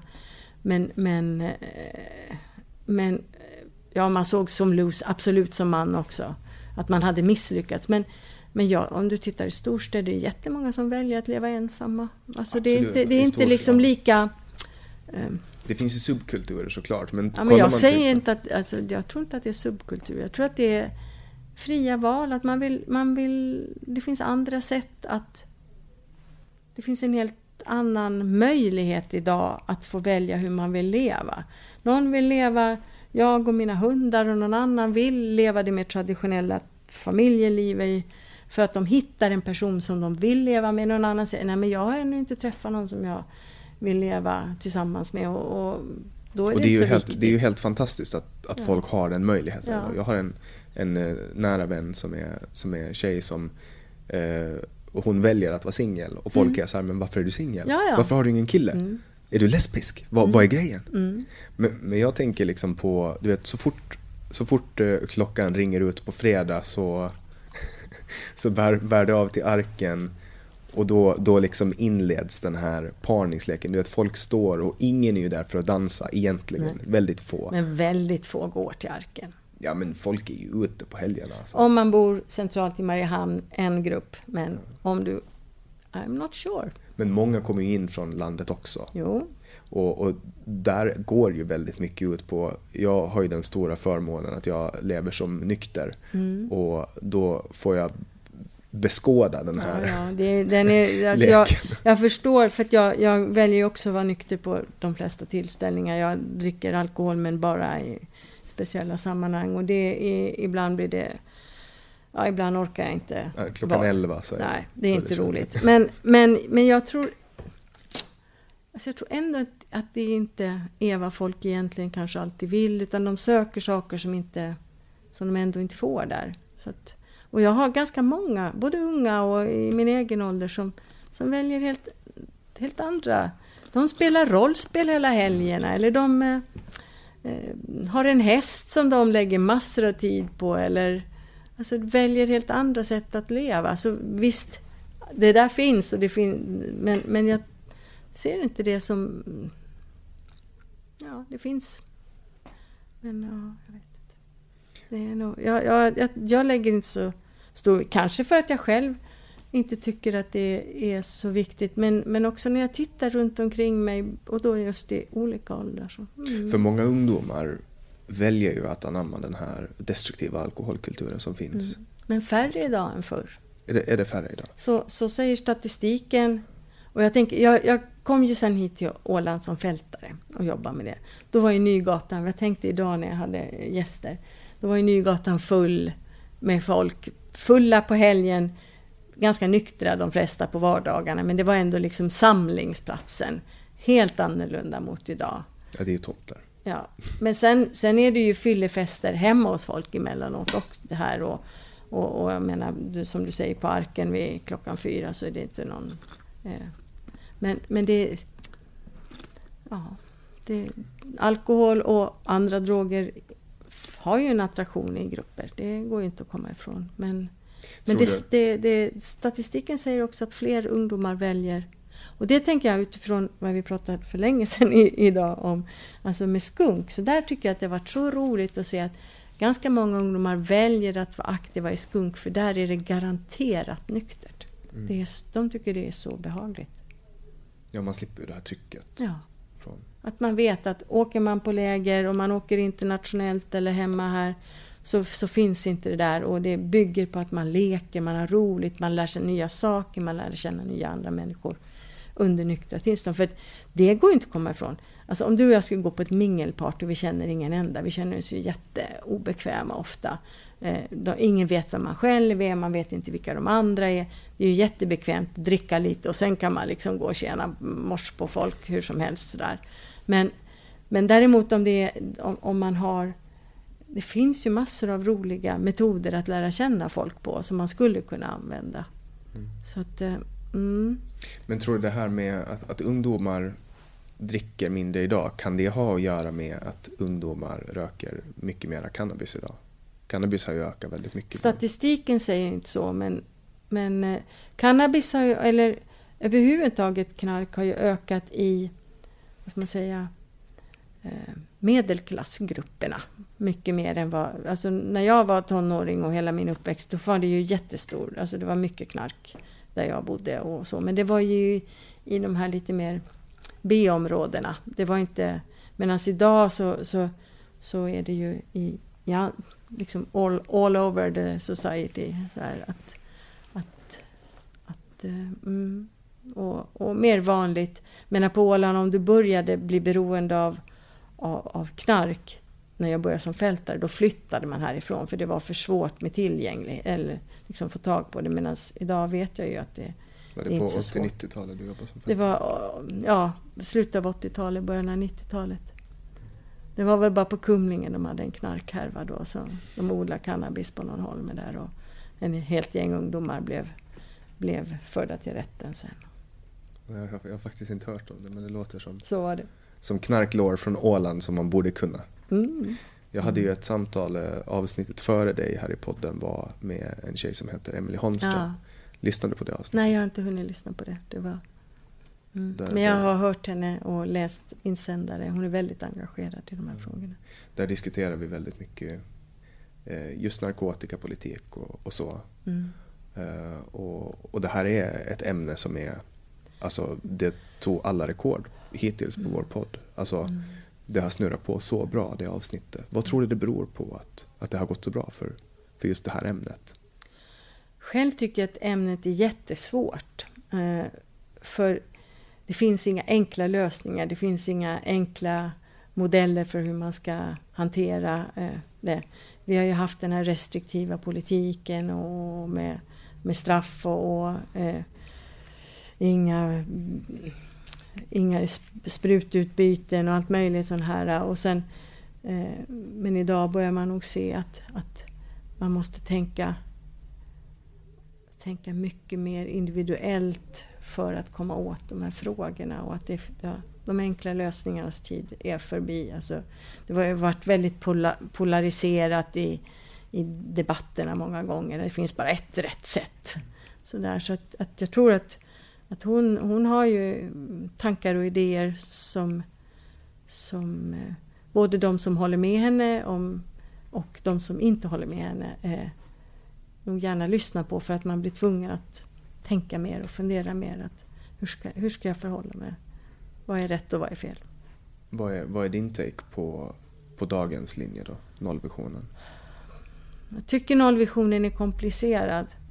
Men jag håller fortfarande fast i för jag kan inte tillräckligt mycket för att kunna säga att ja, men så här borde man göra istället. Jag tycker ändå som vision så det är klart att jag drömmer om att ingen ska behöva ha, hamna i ett, ett, ett knarkberoende eller någon form av drogberoende. För det är ett helvete. Jag har flera som jag både har känt sedan de var små men också varit stödperson för. Jag ser ju att ta sig ur det där Oj, oj, oj. Alltså det är helt...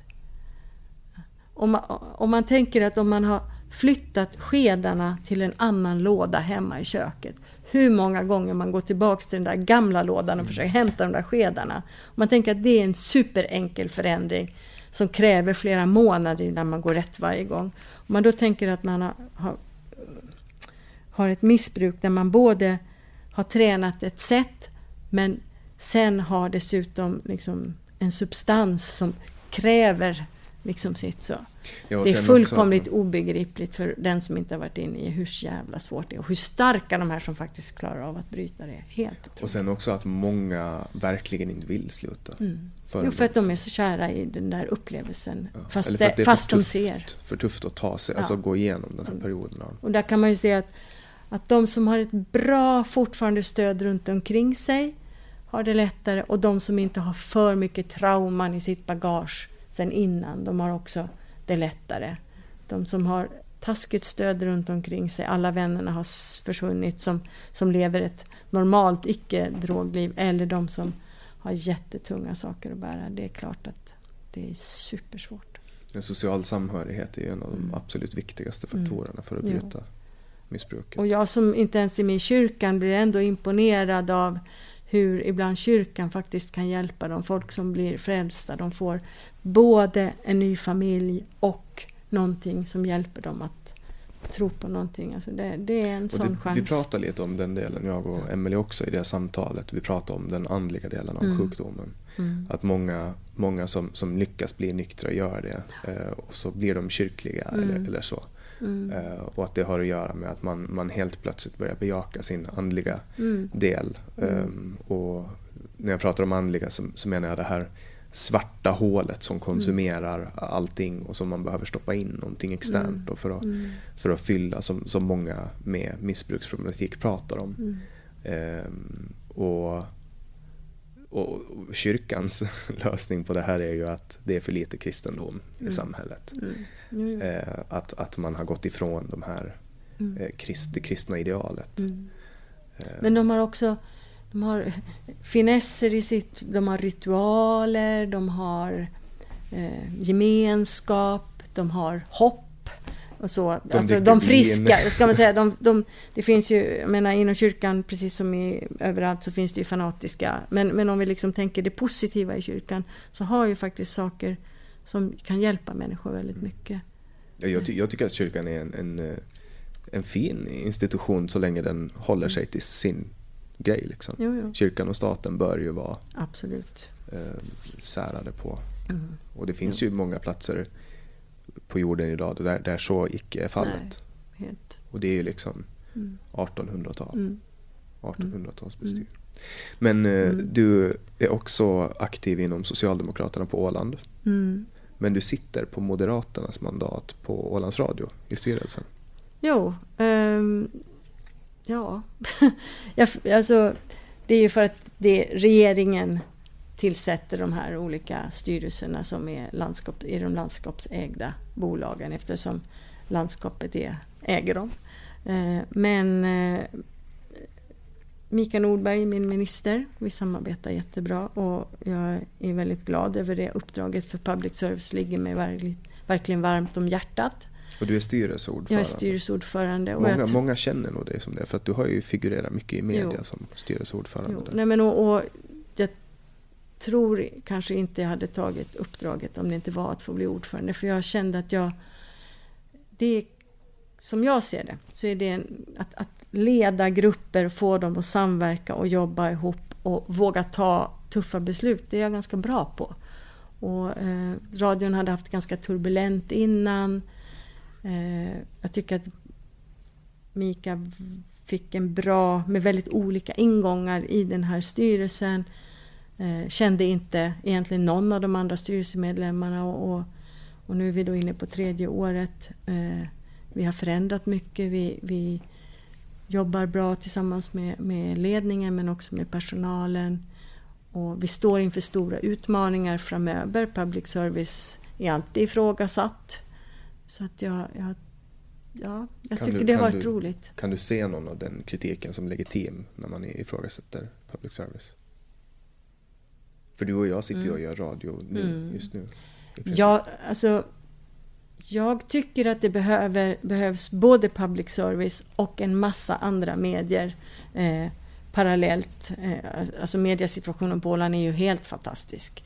Vi har Stil FM, vi har två tidningar, vi har numera också poddar och folks egna produktioner. Jag, jag tror att det är viktigt. Men jag tror att man behöver ha public service i eh, alla samhällen som inte då överhuvudtaget beroende av eh, privat finansiering och där inte politikerna får lägga sig i innehållet. Sen tror jag att all public service emellanåt inte gör sitt jobb fullt ut för att de inte har resurser eller för att de ingen är fulländad men, men eh, jag ser det som superviktigt att, och det stimulerar tror jag också resten av, av samhällets medier att liksom ha hög ribba, att försöka liksom spegla samhället utifrån många positioner. Och det som är roligt just nu är att det finns ju en kritik mot Ålands Radio att det är för mycket, eh, vad ska man säga, eh, gulligt. Alltså för mycket folkligt, eh, för mycket ring in och prata eller så här. Eh, jag är inte fullt Eh, jag, jag håller inte riktigt med om att det är för mycket. Men däremot så behöver vi mer granskande, mer dokumentära delar. Och det jobbar radion med att försöka så sakta omfördela en del av resurserna. Och det tyck, har vi från styrelsen sagt är viktigt och det vet vi att också eh, liksom redaktionsgänget tycker är viktigt. Sen ska inte vi lägga oss i vad det, vad det är de eh, liksom granskar eller vad de gör dokumentärer av. Men, men vi har sagt att vi tycker att det är viktigt. Samtidigt så måste det vara en radio som blir angelägen för alla. Så vi måste göra sånt som Kunskapskuppen eller, eller ring in och gratta till din farmor eller sådär. Det, det är också viktiga delar för att, för att liksom hålla den där attraktionen. Men, men, jag, eh, mycket, men vi behöver mer. Har ni budget på, på radion? Oj, nu ställ, du ska inte ställa sådana frågor. För jag, när vi jobbar med budgeten då är jag fokuserad. Men jag har för många olika siffror och saker. Jag får med att det är typ 2-2,5 miljoner euro eller något sånt ja, per år. Jag vågar inte säga. För att, men, men det vi är oroliga för från, från styrelsens sida det är att, att nu när vi får en medieavgift, vilket vi tycker är bra för vårt system idag är helt oändamålsenligt. Eh, men, men om det blir mindre pengar så är det ju så att bara genom att man har anställda så ökar ju kostnaderna hela tiden. Så det är vi lite oroade för. Och vi har lite svårt att förstå varför, varför man eh, la avgiften lägre än i Finland. För på Åland, där, där räcker våra pengar till att vi har eh, avtal med Sverige så vi får se SVT och, och eh, Sverige, vi kan lyssna på Sveriges Radio, vi har TV4 eh, och vi har hela finska utbudet också. Plus det egna utbudet som ju inte är TV. Vi har mer bildsatt media och, och en tv-kanal där vi kan använda, men, ra, men ändå en ganska avancerad lokalt förankrad radio. Och, och då att det kostar mindre trots att vi får både de här andras. Eh, skulle vi inte ha public service på Åland så skulle vi heller skulle vi behöva betala ännu mera för att bara få Finland. Mm. Men, Men om, ja. om, vi utgår ifrån då att det är jag har för mig att det är typ 2 miljoner, mm. att, att 400 000 eller någonting sånt mm. går till att återsända SVT och Illa och de här. Eller nej, de kanske vi får gratis. Jag nej, inte, vi betalar för allt. Ja. Mm. Men, men säg att det är 2 miljoner. Eh, då är det ju Ålands Radio och TV och det pågår ingen TV-produktion. Nej, TV-produktionen, alltså att göra, ska man säga, TV-produktion eh, så som SVT eller, eller eh, man kan göra då i Finland. Så det kostar alldeles för mycket, kräver alldeles för mycket personal.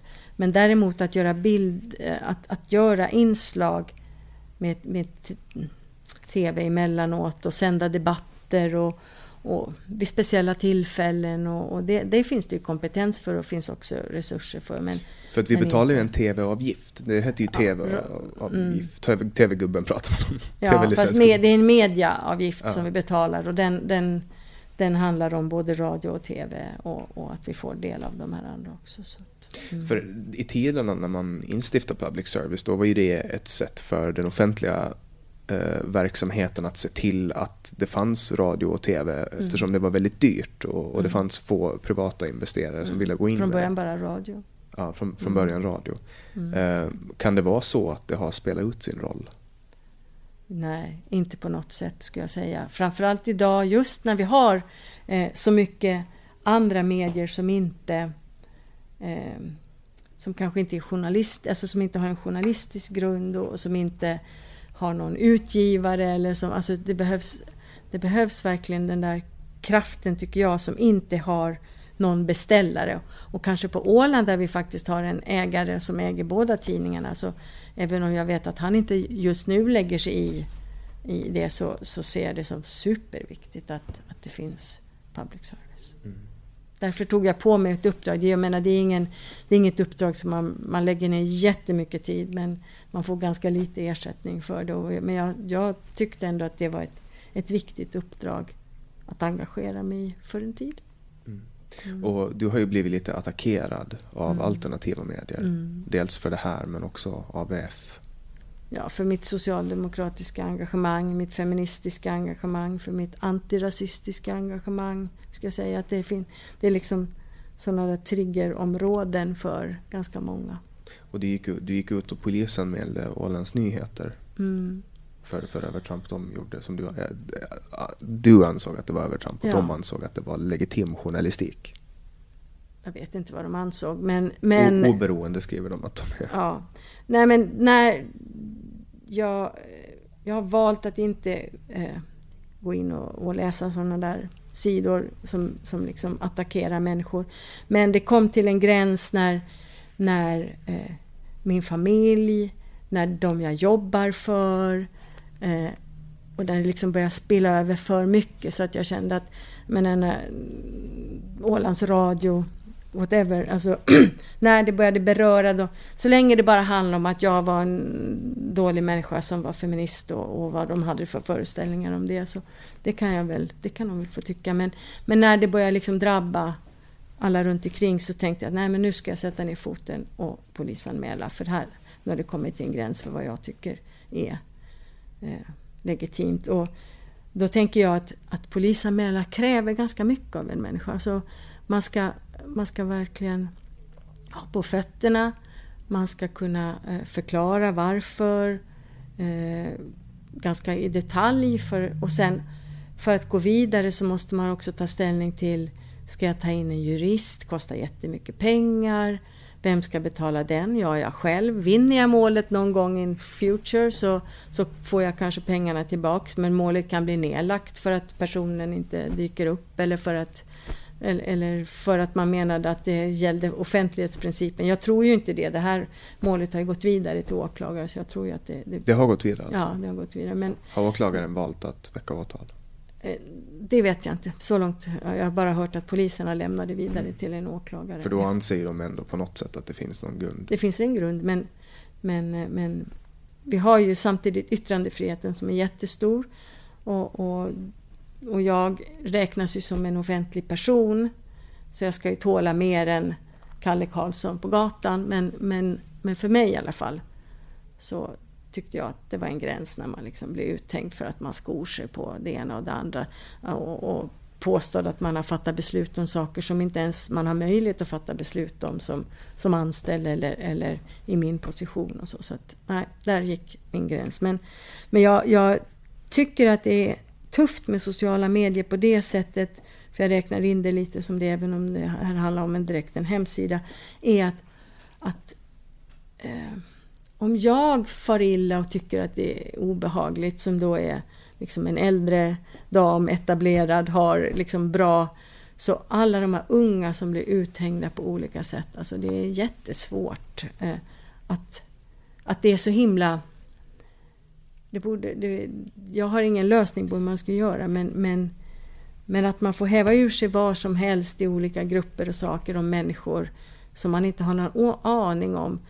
Jag kan förstå att tonåringar gör det ibland, och det av, sådär, men, men att vuxna människor fortsätter att, att göra det, det är, det är lika svårt som att förstå som när vi pratar om våld. Alltså, vad, vad är det för tillfredsställelse att hålla på och, och häckla och håna människor? Ja, nej, helt obegripligt. Vi träffades ju på Allandica Debatt nu. Mm. Uh, var du och lyssnade på hon Tove? Nej, jag förberedde mm, det seminarium som jag skulle moderera om hedersvåld. Ja. Så jag tjuvlyssnade lite emellan när vi hade paus. Men jag kunde inte lyssna på hela. Men jag, men jag såg att båda tidningarna har skrivit om det. Så jag tänkte att jag ska faktiskt läsa mm. lite mer noggrant. Hon är ju politisk chefredaktör mm. på Svenska Dagbladet. Och jag fick förmånen att ställa en fråga. Mm. Uh, och då ställde jag frågan uh, att vad, vad, kan man göra? För hon pratar om alternativa medier just. Vad kan man göra? Mm. Alltså att de kommer som en reaktion mm. mot att de folk anser, alltså de som konsumerar den här alternativa medien, anser att de etablerade medierna har brustit mm. i sin roll. Mm. Att det är någonting de har gjort fel. Uh, och för att återknyta lite till de här attackerna som, som har skett mm. mot dig från alternativa medier. Finns det någon någonting som tidningarna här på Åland har brustit i eller var det bara en okynnesattack som kom på dig för att du är socialdemokrat?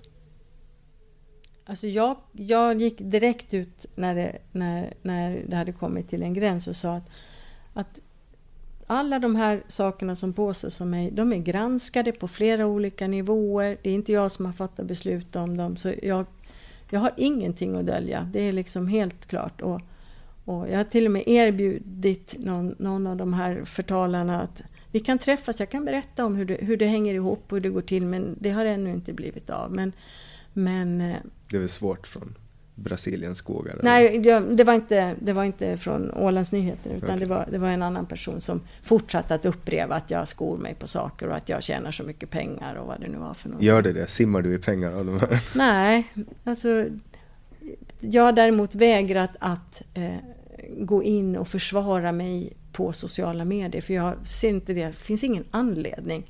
Om någon vill veta vad jag tjänar så men ta kontakt och prata med mig. Jag kommer berätta, det är inga hemligheter. Men jag vägrar liksom att, att på något sätt gå in och försvar för någonting som inte, som inte existerar överhuvudtaget.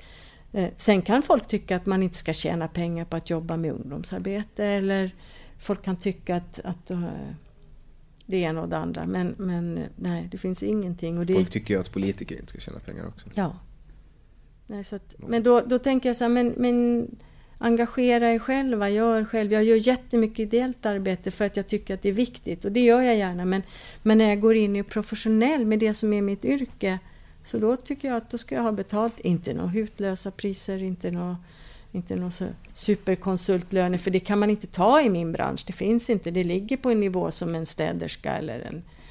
vet jag vad folk har, men, men det är liksom inga, inga höga alls för, för det. Så det mm. Vad tycker du om den här höjningen i, i lagtinget då?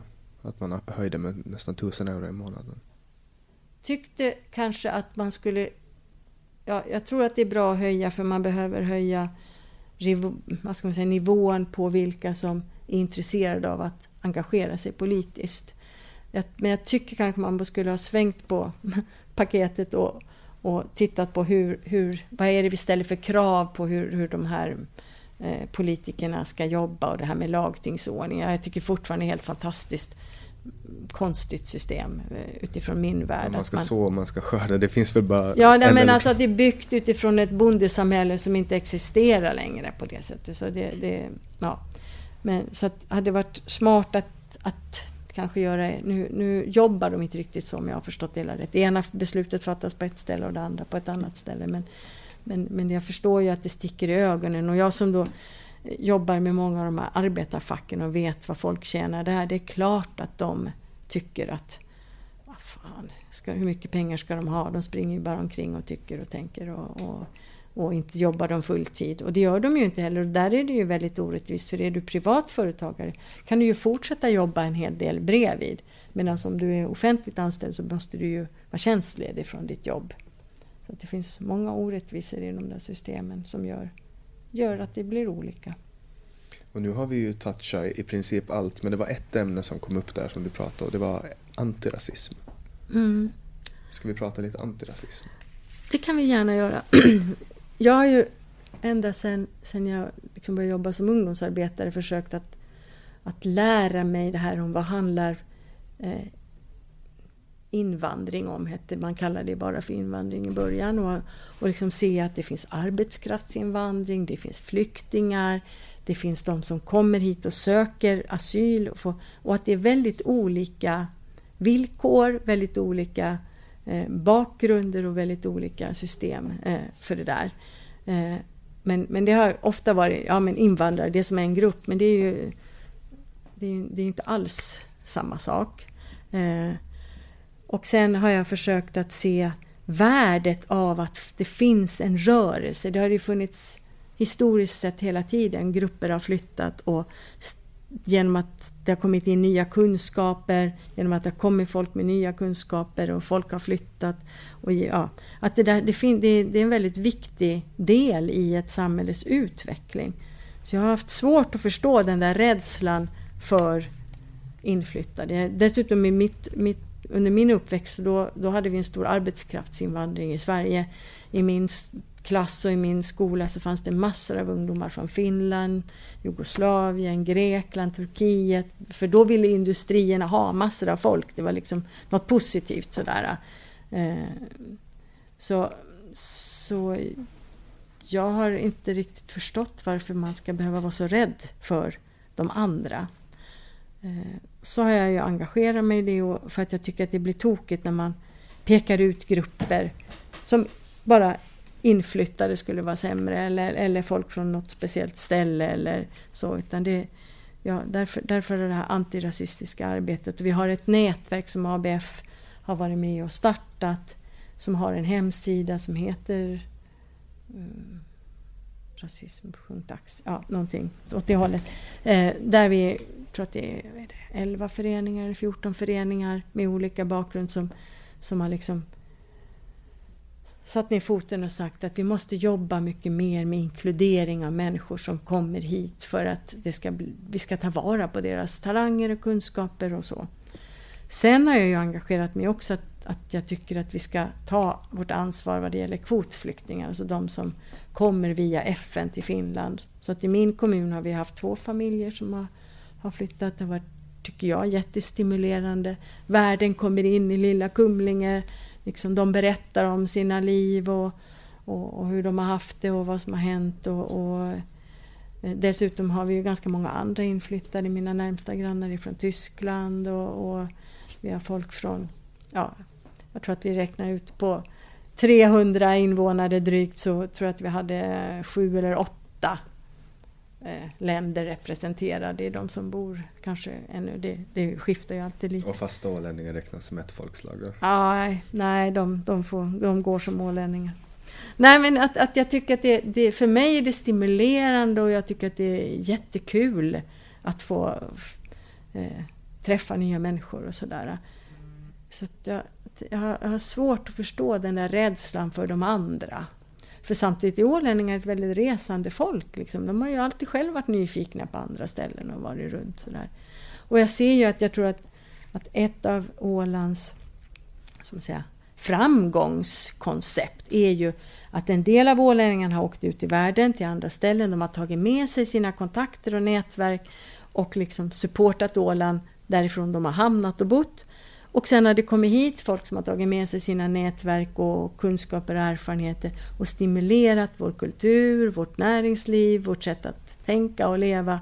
Och det där eh, tror jag är väldigt, väldigt viktigt. Eh, sen brukar man ju peka på Sverige som det bad exempel. Men, men jag har både barn och jag har släkt och jag har vänner. Ingen av dem känner igen riktigt de där hotbilderna om hur fruktansvärt hemskt det har blivit i Sverige Eh, och så. Det är klart att det finns problem i Sverige där man har tagit emot väldigt många hjälpbehövande av olika slag. Men, men att det skulle vara liksom så fruktansvärt och helt ohanterligt. Eh, det går ganska bra i Sverige om man tittar liksom utifrån. Och man, man, är, man har mycket saker att göra men det är ju inte så att man är sämst på in, in, integrering av folk och så heller. Utan men, men nog finns det saker att göra. Och på Åland tycker jag att vi är ganska duktiga på att integrera folk. Sen kan jag se att de flesta inflyttade känner mest andra inflyttade. och det, och det beror inte på att ålänningarna är elaka eller dumma utan de flesta har redan sina nätverk ganska tryggt och klart. Det är inte så, det är inte så viktigt. De, de har vänner som de brukar umgås med och varför ska de anstränga sig? En stor, stor kritik som har funnits i Sverige har ju varit att, att just de här utanförskapsområdena har växt fram mm. för att man inte har tagit tag i integrationen direkt. Ja. Och det är ju klass, det är ju klassfrågor det egentligen handlar om. Alltså att, att det är de, de utan jobb eller de med lågbetalda jobb som hamnar i områden och de flesta av dem har någon form av invandrade bakgrund.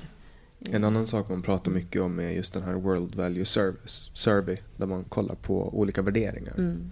Och, och, att den invandringen som har varit hög i Sverige kommer från um, egentligen andra sidan av där Sverige ligger på värderingar. Mm. Att man har mm. helt olika värderingar och att det här, när mm. de här olika eh, folken ska liksom mixas mm. ihop så skapas det konflikter. Mm. Och Sverige är ju ganska kantat av konflikt.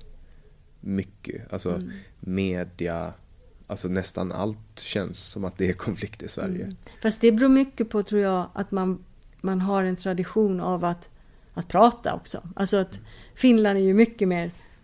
Vi, vi kommer överens och sen gör vi. Medan i Sverige ska de ju ibland prata om saker i oändlighet. Liksom, Men Sverige, Sverige har ju ett eh, Alltså Sverige har ju väldigt länge varit ett konsensusland. Alla har ju mm. liksom hållit med om att jo, jo. så här gör vi, liksom, så ja. och så gör vi. Ja, fast under ytan också nog ändå förhandla och diskutera. Alltså, jag som har gått i svensk skola har ju fått träna mig i att det är så man ska, man ska, man ska försöka komma överens men det kräver ju ändå att man försöker eh, prata ihop sig om det. Sverige är ju ett extremt land i många aspekter mm. utan att förstå det själv. Ja, ja, nej, för de, där, där, tycker man att man är helt normal i alla lägen. Absolut. Men, men om jag tänker på eh, när du sa det här med värderings... Eh, att, att det, om jag tänker, eh, vi har en syrisk familj nu som bor i Kumlinge. De har, eh, de har flytt då, från Syrien, de har bott i flyktingläger i många år i Libanon. De är unga, de har nu tre barn. Jag träffar dem varje vecka. Vi har så mycket gemensamt och vi har så trevligt och vi pratar om alla möjliga frågor. Allt från preventivmedel till krigsfrågor till...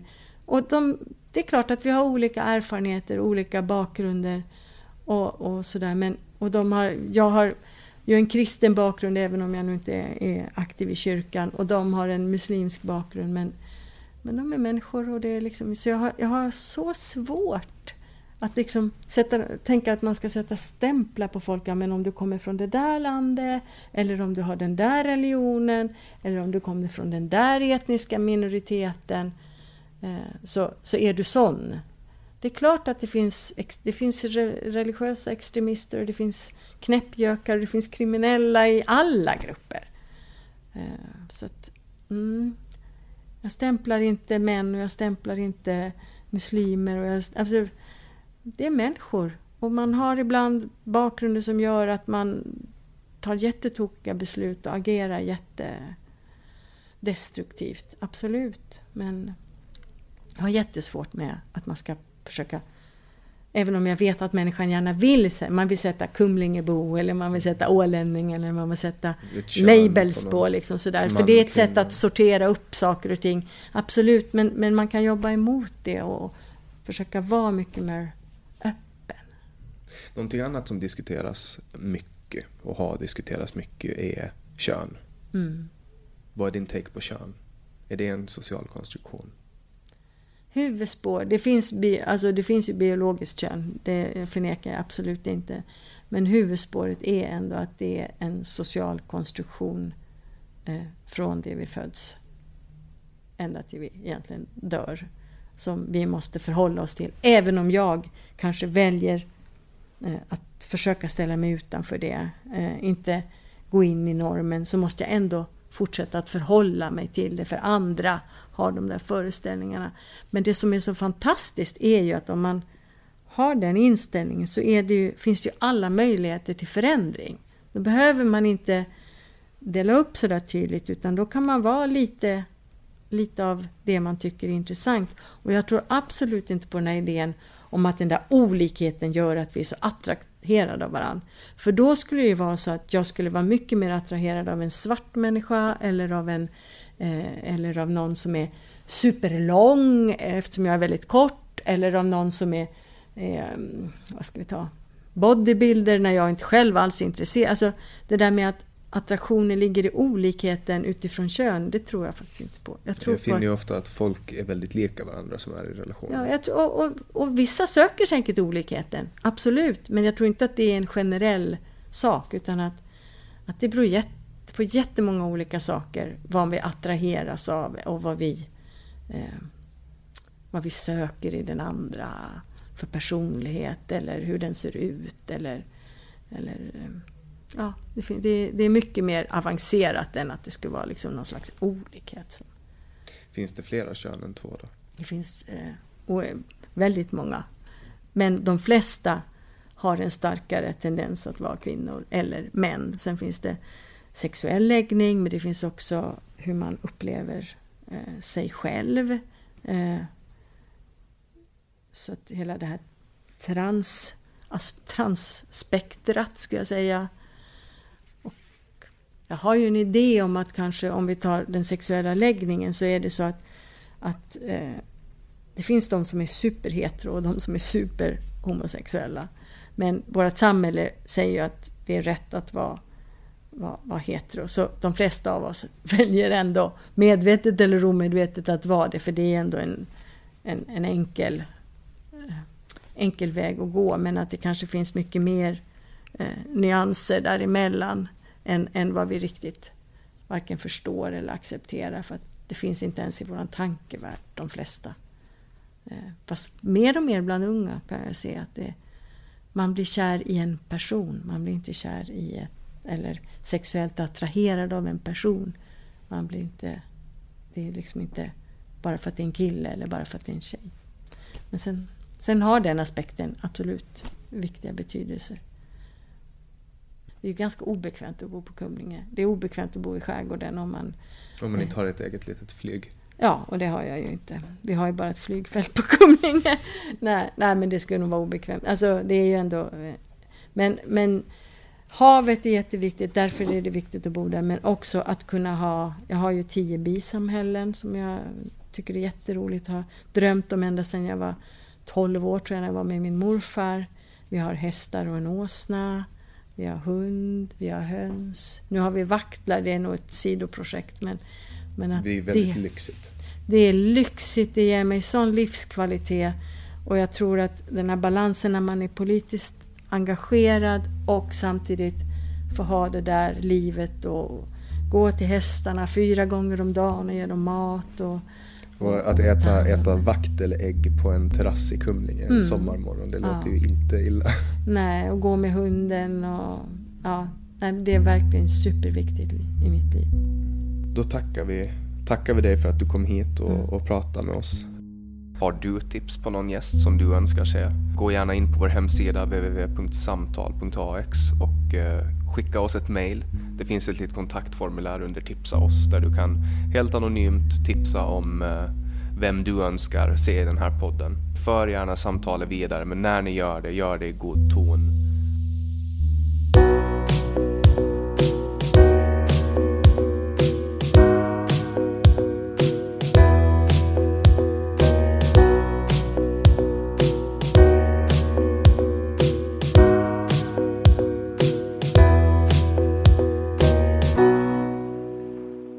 Heter Jannik Svensson, producent för det här avsnittet var Didrik Svan. Du lyssnar på Säg vad du vill Åland. Flexibility is great. That's why there's yoga. Flexibility for your insurance coverage is great too. That's why there's United Healthcare Insurance Plans. Underwritten by Golden Rule Insurance Company, United Healthcare Insurance Plans offer flexible, budget friendly coverage for medical, vision, dental, and more. One of these plans may be right for you if you're, say, between jobs, coming off your parents' plan, turning a side hustle into a full hustle, or even missed open enrollment. Want more flexibility? Find out more about United Healthcare Insurance Plans at uh1.com. Hey, it's Paige DeSorbo from Giggly Squad. High quality fashion without the price tag? Say hello to Quince. I'm snagging high end essentials like cozy cashmere sweaters, sleek leather jackets, fine jewelry, and so much more. With Quince being 50 to 80% less than similar brands and they partner with factories that prioritize safe ethical and responsible manufacturing. I love that. Luxury quality within reach. Go to quince.com slash style to get free shipping and 365 day returns on your next order. quince.com slash style